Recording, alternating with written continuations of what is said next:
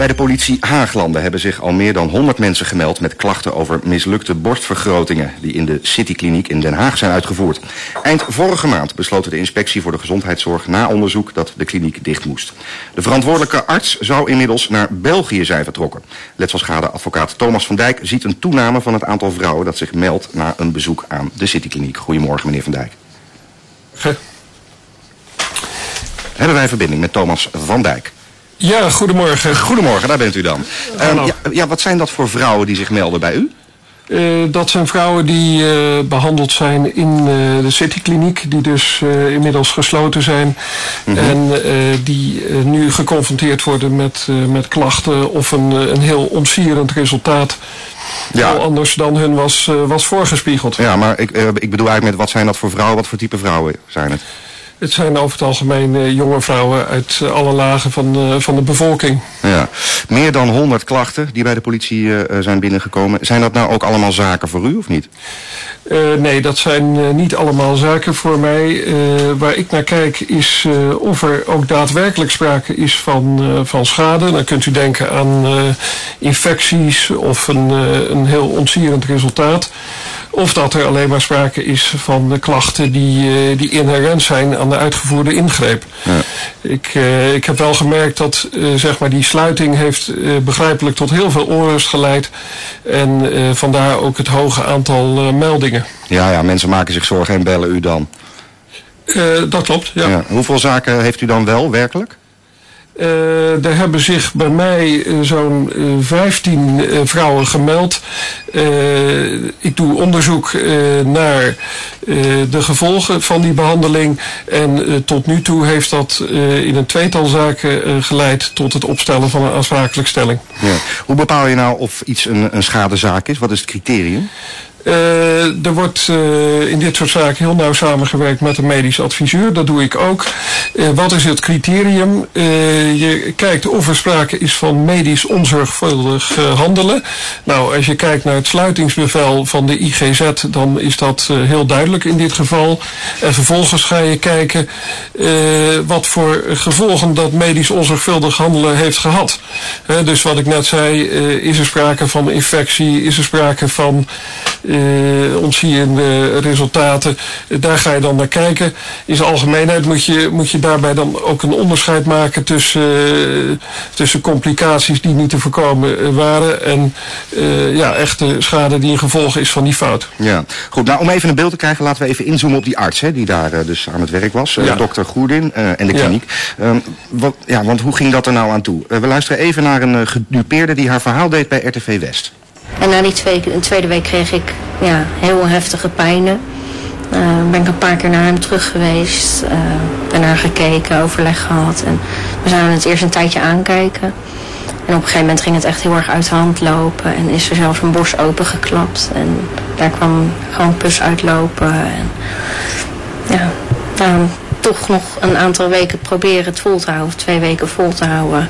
Zijn ze na vijf weken zijn ze verwijderd. Ja, een van de gedupeerden. Eh, een van uw cliënten heeft ook eh, aan u uitgebreid verteld hoe dat eraan toe ging. Kunt u dat even herhalen? Eh, ja, dan wil ik iets eerder beginnen ehm, bij, het, eh, bij het eerste contact met dokter Goerdin. Het is als arts, zeker in dit soort zaken, heel erg belangrijk dat je je patiënt goed voorlicht. Want je gaat tenslotte een ingreep uitvoeren die eh, totaal niet medisch noodzakelijk is. Nou, en, en daar begon de ellende al. Eh, werd eigenlijk heel luchtig gedaan over de ingreep zelf, over complicaties. Ja, werd nauwelijks over gesproken. Eh, waar wel de nadruk op werd gelegd dat, eh, dat de resultaten waarschijnlijk heel vrij zouden worden. Ja. En toen? Eh, toen eh, de behandeling, eh, ook heel rommelig. De dag van tevoren wordt dan gebeld dat het op een andere locatie plaatsvindt. Nou, daar aangekomen moet er contant afgerekend worden. Ja, het, het geheel maakte een hele rommelige indruk. Ja. ehm, contant afrekenen zegt u. Hoeveel eigenlijk voor een borstoperatie? Dat lag zo rond de 3000 euro. Ja, ja. Is dat normaal? Mijn indruk is dat dat goedkoop is. Aha. En ja, ik, ik, denk dat je hier wel kan zeggen dat veel vrouwen ook op de lage tarieven afkwamen. Ja, precies. en wat voor indruk maakte die, die dokter Goerdin op, op uw cliënt? Wat voor man is het? Um, ja, kijk, het gaat mij meer om, om echte objectieve uh, aanknopingspunten. Hè, om te komen tot een aansprakelijk stelling. Dat begrijp ik, maar even om een indruk te krijgen van de man. Uh, nou, mijn, de indruk was dat hij zichzelf wel heel goed kon verkopen. En dat zie je natuurlijk ja, wel vaker bij, bij slechte artsen. Oh ja? Hm. Want uh, stoere verhalen? Uh, nou, met name uh, een heel goed resultaat voorspiegelen. Ja, ik had zelfs begrepen dat hij na de operatie uh, naar buiten kwam en meteen een sigaret opstak. Ja, dat klopt. Ja. Um, goed, met alle respect, en het is natuurlijk vreselijk, maar zijn die vrouwen ook niet een beetje naïef? Nou, als je kijkt naar de websites van dit soort uh, particuliere klinieken, uh, dan zie je dat daar termen voorkomen als cosmetisch arts. En dat is voor het publiek heel misleidend, want uh, plastisch chirurg, dat kun je dan niet gebruiken, maar cosmetisch arts, dat, zie je dan wel, heel vaak. Hè? Ja. Tenminste, als je niet een plastisch chirurg bent. Ja, maar goed, en, uh, het bedrag is vrij laag dat je moet betalen. Hè? Uh, je, ja. Man maakt een bepaalde indruk. Ja, dan gaan toch wel, en je hebt het over een ingreep in op je eigen lichaam, dan moeten toch eigenlijk alle bellen wel gaan rinkelen, of niet? Ja, maar uh, met de mensen die ik gesproken heb, die zeggen ja, dan ben je daar op dat moment, je hebt het besluit al genomen, uh, dan gaan mensen niet meer terug. Nee, nee. waar is die arts op dit moment eigenlijk? waar hij op dit moment is, is mij niet bekend. Hm. Wat moet er nou eigenlijk gebeuren om, om dit soort nou ja, wantoestanden te voorkomen? Uh, nou, mijn indruk is dat er uh, toch uh, voldoende regelgeving is. Hè. Je hebt de wet op de beroepen in de individuele gezondheidszorg. Je hebt ja. de kwaliteitswet zorginstelling. Je hebt diverse lagere regelgeving. Het gaat erom dat er ook echt gehandhaafd wordt. En dat er ook preventief gecontroleerd wordt. Want wat je hier ziet, is dat de inspectie voor de gezondheidszorg na klachten, na een brief van de Nederlandse Vereniging voor Plastische Chirurgie ons gaat kijken. Ja, ja dat hebben ze niet gedaan in dit geval ook. Uh, ze zijn uiteindelijk wel, maar... Uiteindelijk wel, ja. Uh, maar het is mijn indruk dat het beter zou kunnen. Je zou natuurlijk preventief kunnen, uh, kunnen controleren. Bij mijn weten heeft de IGZ in 2004 een onderzoek gedaan naar de kwaliteit van particuliere klinieken. En daarin kwam, kwamen enorme tekortkomingen aan het licht.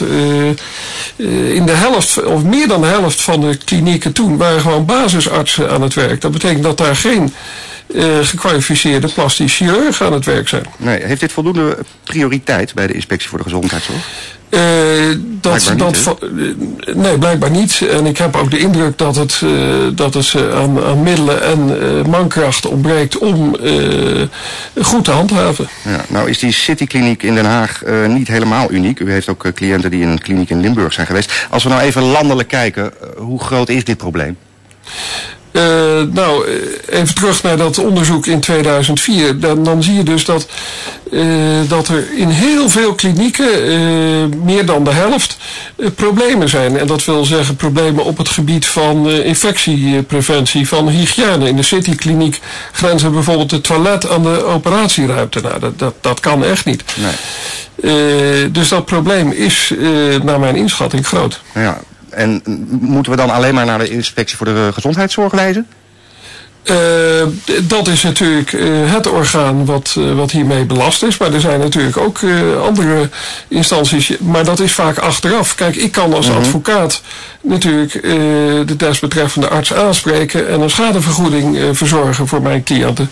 Maar ja, cliënten kunnen ook een tuchtrechtelijke procedure starten. Ze kunnen aangifte doen, strafrechtelijk. Alleen ze allemaal achteraf. Ja. Zou er niet een soort keurmerk moeten komen? Uh, dat, dat zou een goede stap zijn, ja. Oké. Okay. Nou, Thomas van Dijk, hartelijk dank. Graag gedaan. Gaan wij terug naar Utrecht.